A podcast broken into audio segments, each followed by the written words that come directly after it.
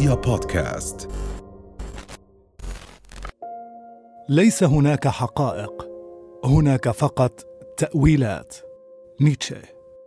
هناك نوعان من الحقيقة الحقيقة المطلقة المستمدة من العالم المادي والطبيعي اللي أمامنا وهناك الحقيقة النسبية المتأثرة بعالمنا الثقافي الاجتماعي اللي كل أفكارنا فيها هي عزيزة علينا.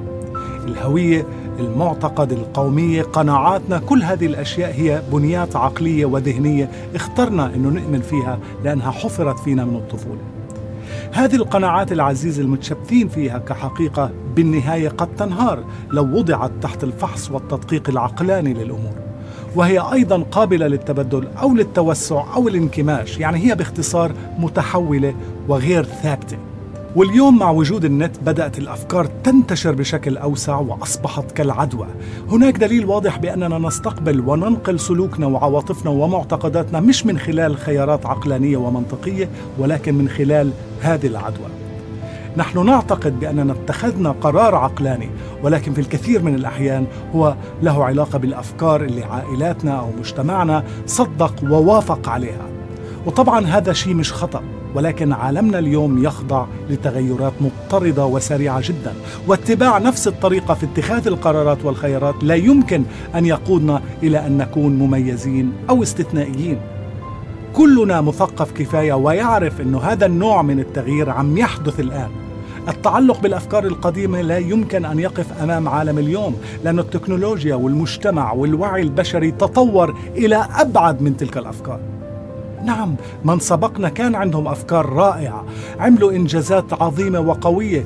فكر بالنقود بالمواصلات بنظام التعليم ولكن من فترة لتانيه بيطلع شخص ما ويثور على هذه الأفكار بأشياء أفضل. المشكلة عندنا إنه إحنا واضعين عقلنا على نظام ال autopilot أو الطيران الآلي.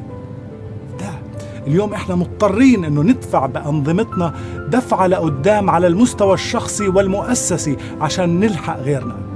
أول خطوة لهيك هو نشيل ال autopilot ونبلش ننزل برامج جديدة لأدمغتنا ونبحث عن حلول جديدة.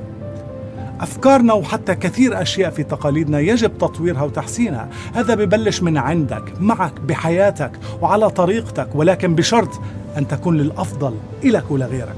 من منا لا يريد أن يلتقي بهذا الشخص الحكيم اللي جالسك عدة جلسات؟ ليفهمك قصة الحياة ويحثك عن أسرار الكون وعن التاريخ والفلسفة وقصص من الماضي والحاضر والمستقبل.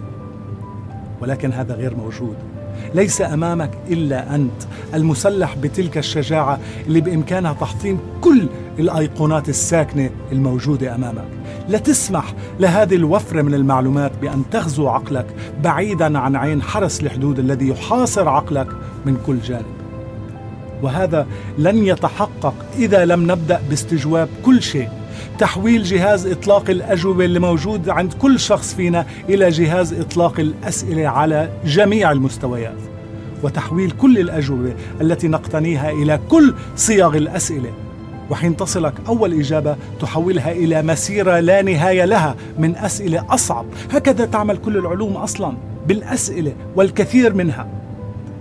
الأجوبة اللي معنا هي المسؤول الأول في إبعادك عن منطقك الحضاري وذاتك الحقيقية وصيغتك وظروفك الإنسانية التي من المفروض لها أن تكون فيك كإنسان يعيش داخل هذه الوفرة من المعرفة والعلوم والتقدم في أيامنا هذه.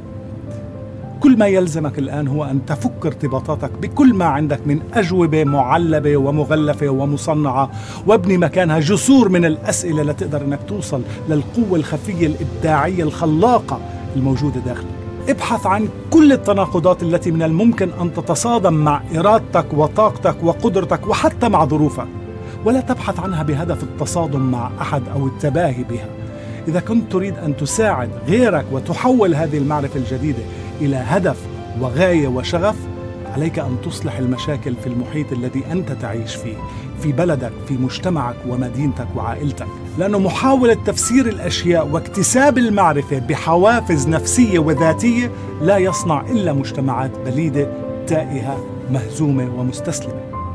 الهدف الأمثل لكل هذا هو أن نضع أنفسنا في طريق صنع وعي جديد، نستبدل فيه وعينا المتهالك والمهزوم من كثرة المعارك غير المتكافئة اللي خضناها طول هذه السنين. سلام.